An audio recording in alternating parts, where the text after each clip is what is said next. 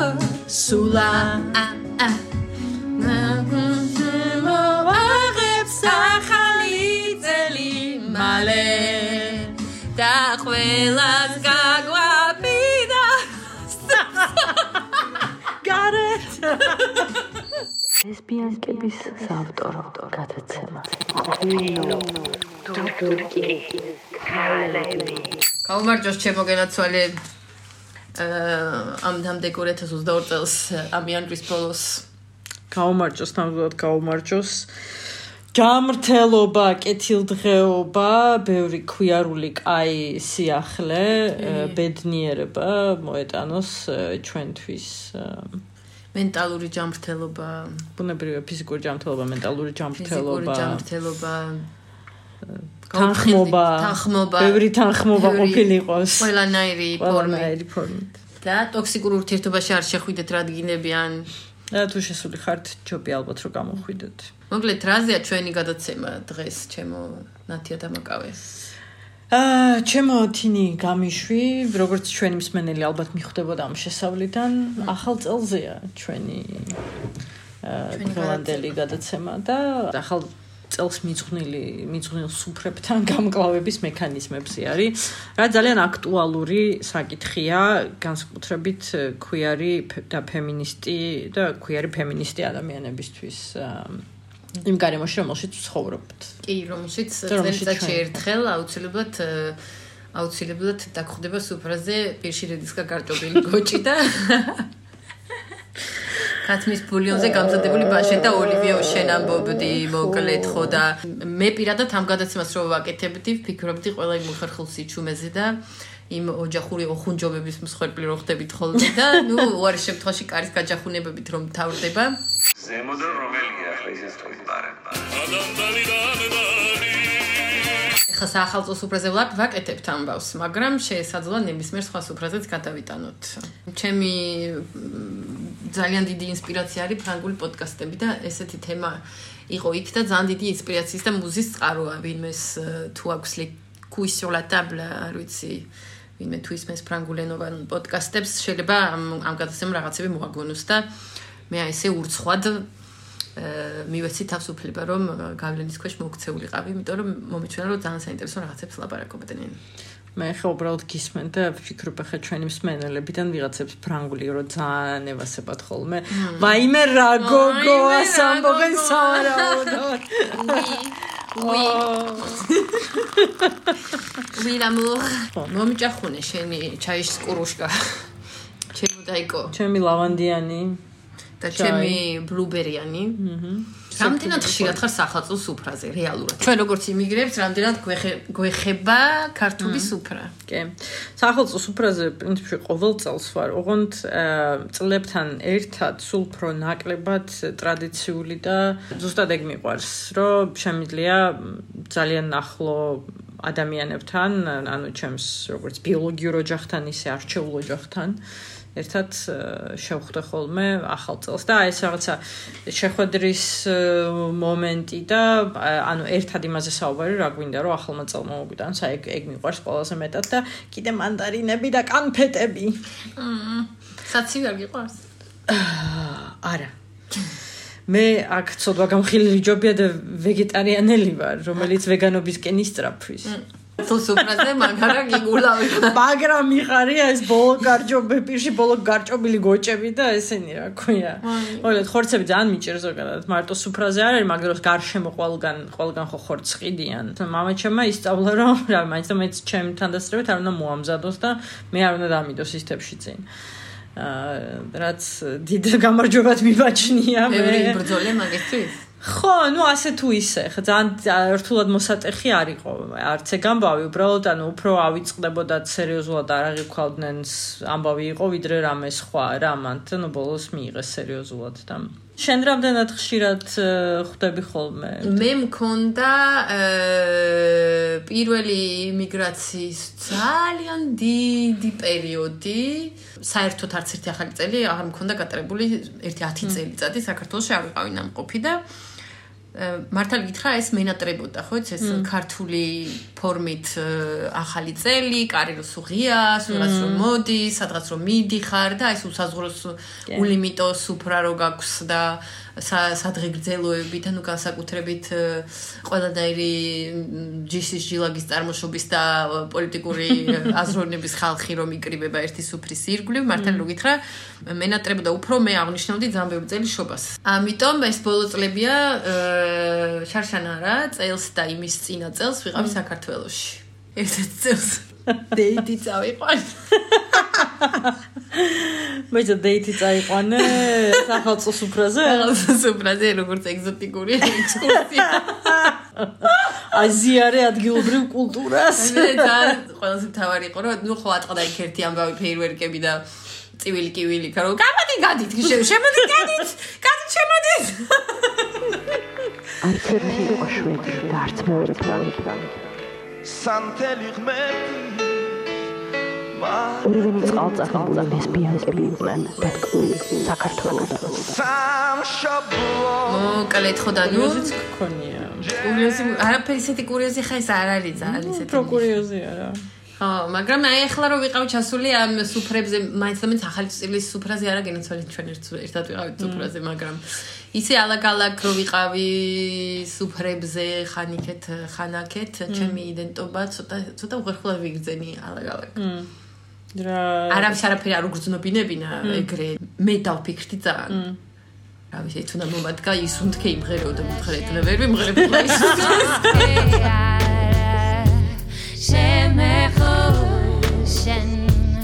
ისუნთქე ის აქ სამღერი სიმღერა არ არის ჩემოდა ექსპრესანიკა გამოდე ისუნთქე ჩემო შევწასებ ტიკი მაგრამ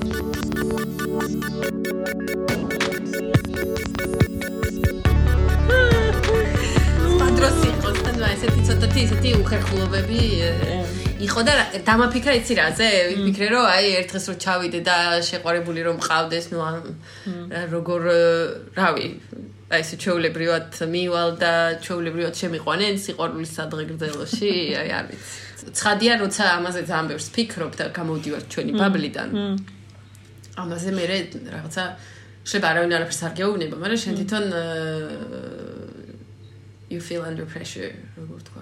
ამ, ხო მე ზეწოლას და ზეწოლას საკუთარ თავთან რა. გვართმევთ რას გვართმევთ რას ქართველოს რას ვართმევთ ქართულს ქართულ სახელოს უფრას. ხო, ქართულ სახელმწიფო სუფრას ალბათ ხო ხო ხორცები ახსენე, ხორცებს წავართ მე მე დიდი სიამოვნებით, განსაკუთრებით იმ რაოდენობით. რა რაოდენობითაც არის ხოლმე და აი კი ბატონო, ესაცივი ბროკოლს ეგეთ რაღაცებს შვენი კარგად ესხმება. კი და რავი მე ამ იმას რა ქვია ეხოწები ბაჟეს ვაფშე არ უნდა ეს ქათმით ბულიონი რა წყალზე კეთდება აი შვენივრად და გასარეცხი აი განსკუთი კიდე სუფრის იმას გააჩნია მაგრამ როგორც წესი ხო სხვადასხვანაირი საჭმელები არის და აი ბოლოს ყველა ვარიანტში სურო რაღაცა ხუთი ადამიანი იყოს ოთხი ადამიანი იყოს ჭურჭელი გროვდება გასარეცხი ბლომად. მაგასაც წავართმევდი ფეირვერკებს რას უშუალოდ? არ ვიცი. უ ფეირვერკები ფეირვერკებთან ანუ ისეთი დამოკიდებულება მაქვს რა რომ გარემოსთვისაც ცუდია ცხოველებისთვის ძალიან ცუდია და მე თან ანუ ყველგან ანუ თბილისში სადაც ვარ რა გარემოშიც ვარ ყველგან ცხოველები ყავს რა აა ანუ ჩემ მშობლებთანაც და ჩემ ძალიან ახლო მეგობრებთანაც რა და ანუ მოკლედ მაგათთვის ძალიან ცუდია მაგრამ თან ლამაზია სოხერი აბა. აა. საშიშიც არის. საშიშიც არის. თითები აწყდება ხალხს. საშიში არის და მე ანუ მე დაშინებული დავდივარ ხოლმე ფერვერკებს თავი დაანებლა ეს რაღაცა ხლაპუშკებს რო ყიდიან ხოლმე რა ვაიმე ბავშვობიდან ვარ ტრავმირებული. მაგითი და ანუ როგორი რეაქცია მაქვს იცი რომ ქუჩაში რო გავდივარ და აი მაგის სინამწყვის სუნს უგრძნობ ანუ ეგრევე შიში მეწყება ანუ ადრენალინი მოდის და რაღაცა მეშინია იმიტომ რომ პატარა რო ვიყავი ვიღაცამა კაპიშონში ჩამიგდეს ერთი ორჯერ და იქ რაღაც უკან აღიფეთქნა დედა კი დავშავებულ ვარ და არაფერი მაგრამ აი მაგრა შემეშინდა. მაგას და ბუშტებზე მაქვს აი ეგეთი რეაქცია კიდე ზოგადად იმიტომ რომ ისახე შემომასკდა პატარა რო ვიყავი ბერავ მომე რამძიმე ბავშვობა გქონია. არა, არა და კაი ბავშვობა მქონდა, ნუ იმ პირობებში რა რა პირობებში 90-იანებში ადამიანს ბავშვობა შეიძლება ქონოდა საქართველოში, მაგრამ რაღაცების კდებოდა. რაღაცებს კდებოდა, გარშემოდა. პატარა ნათი ვერ ხდებოდა რა იქნა. ო, ბეიბი. ხო და ეგ ხლაპუშკები და ისინი ძალიან საშიშია ხო და მაგ მხრივ მოკლედ მგონია რომ უნდა ძალიან კონტროლირებად ებში რაოდენობებში იყიდებოდეს და ბავშვებს არ უნდა ყიდნენ და საერთოდ ამდენი რაოდენობა არ არის საჭირო ფეირვერკების მაგრამ თან თან ლამაზია ვაღიარებ ვაღიარებ რომ გამხილილი ჯობია რომ სიამოვნებით ვუყურებ ხო კი ხო. და მრცხვენია ძალიან მრცხვენია. სადღეგრძელოებზე გადავიდეთ გე ბატონო შენ შენ ახსენე სადღეგრძელოებით წეღან რომ რაღაცა ცოტა მენატრებოდა და რაღაცა და მაგაზე ჩა ჩა ჩავუღრმავდეთ აბა რომელ რომელ აი რომელი სადღეგრძელოს დატოვებდი სიტყვაზე? ან რომელი და რომელი სადღეგრძელო გინდა რომ მაგალითად ანუ გიჭერს ყველაზე მეტად და გინდა რომ მოვაშთოთ მოკლედ სუფრას ვართმევთ ქართველობას აი უფ უფ უფ ჩვენ როგორ ყარს ისე? ჩვენ ვართმევთ ქართველობას. რას დავტოვებდი? ხა მაგაზე არ მიფიქრი არ მაქვს ჩანიშნული.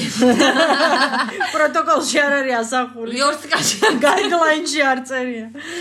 აა მშვიდობის სადღეგრძელოს დავლევდი. წასულების სადღეგრძელო მიყვარს ხოლმე. კი მეც მიყვარს. დასულების სადღეგრძელო მოგვიანებით გვაქვს ჩანიშნული გეგმაში, მაგრამ მაგალითად ახლა წელს ვის სადღეგრძელოს ვიტყოდით და ჩვენი ქალბატონი დარიანის სადღეგრძელოს ვიტყოდით, რომ გადმოყურებს მე-20 საუკუნის დასაწყისიდან და აზანზარებს ზოგიერთების გულებს და სკამებს სამინისტროებში და ასე შემდეგ და აი მაგისი თამადობით ყველა ქალმწერალს გალმარჯოს ვიტყოდი.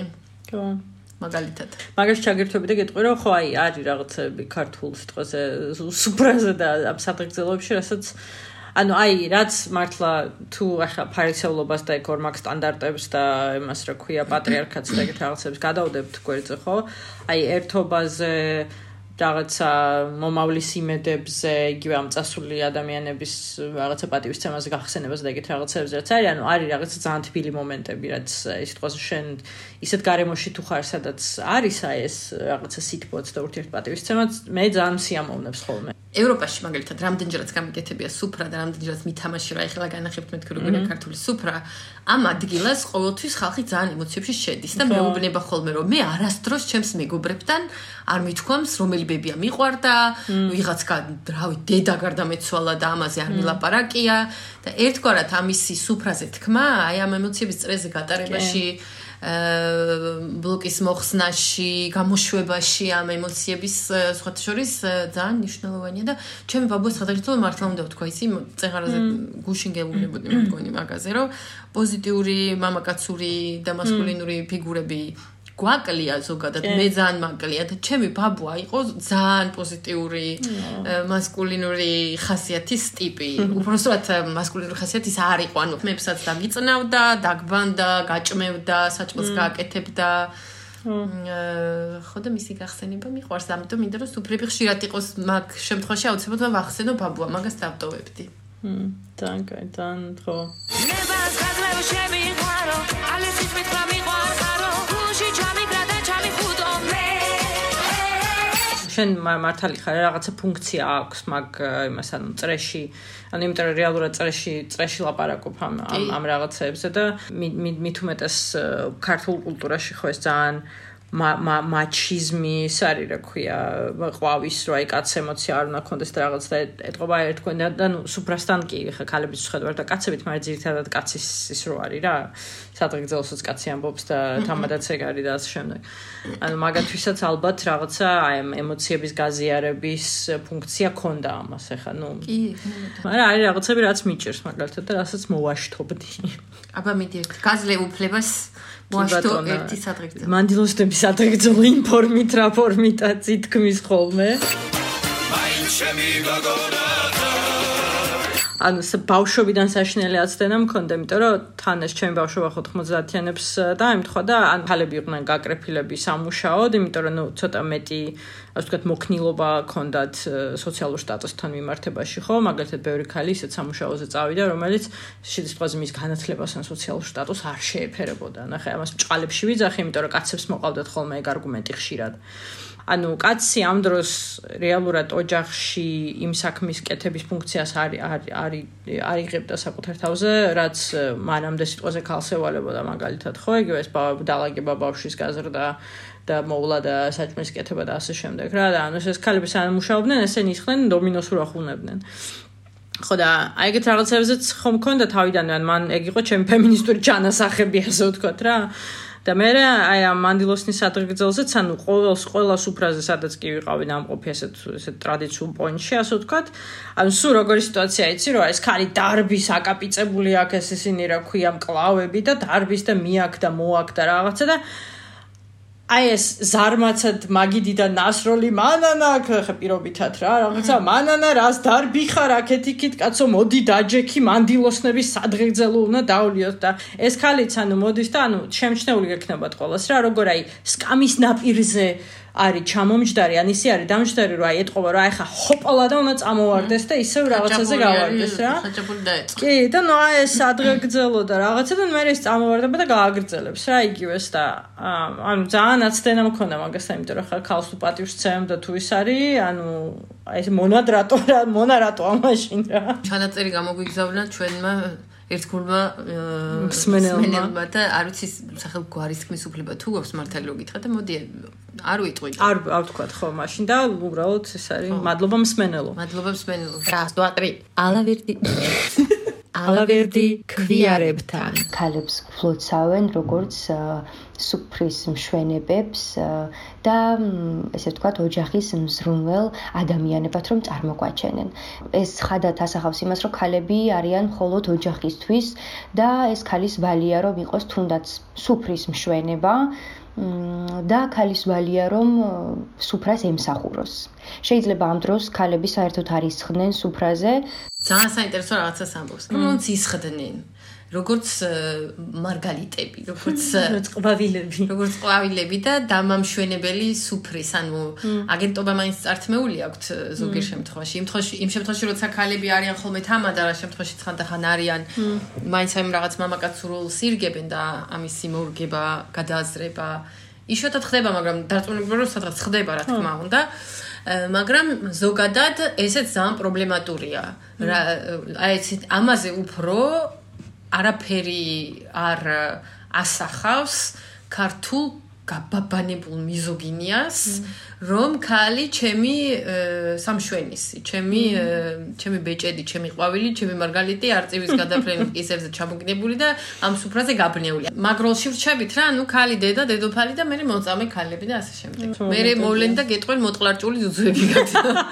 ზოგი ზოგი ერთი ძღნერი კენწლიებს არ დავასახე. მაგას მაგას ფიქრობდი ახლა რა, რომ თან დეკორაცია უნდა იყო. ხო თან ეს არის რა ქვია, მუხლებზე უნდა იდგე და იატაკებს უნდა წმენდა ეს არის ხო. ხო 29 დღეში და ბავშვებს იმებს უცვლიდე რა ქვია. ხო და ვაი თუ მათ შეგეშალოს მერე ხო. ძუძუ უნდა აჭამო ძუძუც უცილებლად უნდა აჭამო, მაგრამ მოწყალწულიც არ ვარქა რა.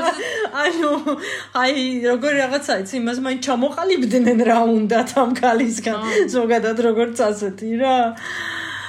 ხო, არა, მაგაზე მე ძალიან ძალიან წითელი მენთება ხოლმე და მოკლედ მაგას მაგსად ღეგზელოს რა მე მგონი თანხდებით რომ გავატანდით იმას რა ქვია. მტკვარს ან რამეს. ამ პოდკასტის მენეჯმენტი სიგარა სიგარა მე მაინტერესებს გამკლევის მექანიზმებში რა უნდა შე- შევთავაზოთ ამ ამაზე. ეხლა ამ ჩასულაზე ქალების სადღეგრძელო არ მომისმენია. სიტუაცია რომ ქალები დაგოდნენ გეთაგეთ და კაცები ისხდნენ, კი მქონდა მაგაზე მე დავაკომენტარებ. მაგრამ ქალების სადღეგრძელო არ მომისმენი. არ ვიცი შენ თუ მოისმინე, მაგრამ აი თქვათ და მოხვდი, აი სახალხო გინდა, ქორწილის გინდა, ტუ- ტირილის გინდა, მე რა ვიცი, რისი სუფრაც გინდა და აა არანაირი შე- აგენტობა შენ არა გაქვს, იმიტომ რომ რა ვიცი, დიდი ქორწილი არის 300 კაციანი წარმოიდგინე და შენ ხარ ერთი ერთი პატარა ლესბიანკა ხარ ლუ- ე და ზუ სიტყვას ერთად არავინ არ ამბობს და გადამულან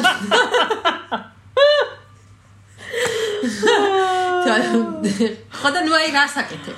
მან რამდენიმე ვარიანტი მოდი რეალურად. განვიხილოთ ვარიანტები, იმიტომ რომ ეს ძალიან მნიშვნელოვანია, რომ ჩვენ თავს ჩვენ თავს იმას შვები რა, ეს ტვინის ფუნქცია, ხო იცი, რომ იცი რა არის გამოსავალი და განხილული გაქვს, მე უფრო აკეთებ რაღაცას. მაინტერესებს როგორ ხო, მოიქცე. ანუ Survival kit. Survival kit. ლესბიანკა მასწავლებლების გაკვეთილები მას მას მას. რამდენიმე ვარიანტი არის რა. ერთი არის რომ ხა აი, ცოტა უფრო ვიწრო წრეში, რომლებიც რომელიც მაგალითად ავიქ ნათესავებსაც მოიცავდა, მაგრამ ხა მთლად 300 ადამიანი არისო. ანუ ცოტა იმას მიქნია რომ უფეხა თქო რა ცოტა აგდებითაც მიპასუხია ხანდახან ხანდახან ნუ ლექციაც ამიკითხავს და რაღაცა. რა ეგ ნუ ხან მუშაობს ხან არა გაჩნია ვისთან ხარ როგორ ხარ მაგას არჩევ. მეორე ვარიანტი არის რომ თუ მაქვს იმისი საშუალება რომ მეც ჩავება ამ ამბავში და რამე ვთქვა მთლად 300 კაციანი ქორწილი მაგისთვის არ გამოდგება იმიტომ რომ საქართველოში ჯერ კიდევ ანუ სუფრები არის სეგრეგირებული იდეაში დიდი სუფრები. ანუ ქალები ცალკე მაგიდასთან შედან კაცები ცალკე მაგიდასთან შედან და ნუ ცალ-ცალკე პონტი მინდის რა. Jesus Christ. ანუ მართლა მართლა მართლა გეუბნები რა. ანუ ქელეხებზე ცეგრი არის და ქორწილებში ცეგრი არის რა. და ძალიან ეჭვმეპარება რომ ეხა ეს ტრადიცია ასე ვთქვათ მოტყდა უკვე რა ამ ბოლო რავი 5 წლის განმავლობაში. მე რასაც ვაკეთებ ხოლმე არის რომ ვცვლი ამ სადღეგრძელოს ვაფემინისტურებ. და მაგალითად თანასწორობას ვლაპარაკობ და იმაზე რომ აი ხო გალებს გაუმარჯოთ თავისი ძალისთვის და იმისთვის რა ქვია გამძლეობისთვის უსურებ იმას რომ რაღაცა დეკორაცია აღარ იყოს. რა ხო პირობითად ვამბობ რა მაგალითად ხო გააჩნიათ რამდენად გნიდურად მინდა ჩაურტყა ვიღაცასთან მაგას სვამ. ანუ ჩემ ვარიანტს სვამ მაგ სადღეგრძელოს მარტო ხო მეც დიდი დამლევი არ ვიყო მაგრამ ნუ კაი. აა და მესამე ვარიანტი არის და ეგეც აი აბსოლუტურად მისაღები ვარიანტი არის. თუ ვგრძნობ რომ აი მისი არც ნერვი, არც რესურსი და არც სურვილი არა მაქვს კონკრეტულ სიტუაციაში არც სვაო და არც არც არ ვამბობ და საერთოდ ვიკიდებ ამბონს რა. შა მომენტში შეიძლება უცებ აღოთ გახდი. ხო? შეიძლება ისეთი ხველა აგიტყდეს ეს კაცი. უფ, კი, კი, კი, ანუ ესე რომ კაცი რომ ის ესეთი მშვენიერი, მშვენი. იქ ჩობი მიჩვენე. მიჩვენე. ხედაღა მე კაფეში ხარ თუთუნს ამბო ორიანი. გაჯექი. ჩემო მურაბო და ტკბილო საზოგადოება. ჩემო ძირფასო პიდარასტებო. ჩემს თანა და ნათია დამაკავის და მე სიტყვა ძალიან გაგრძელებია და გრძელი სუფრა ჩემ ტერს, ხო იცით? ამიტომ აქ გავწყვეტ და მომდევნო ეპიზოდში იყოს უფრო დეტალურად გამკლავების მექანიზმებზე, რომელსაც იმედია fingers crossed ორ კვირაში შემოგთავაზებთ. აბა ჰე. დაიმუდა იყოს სვეტი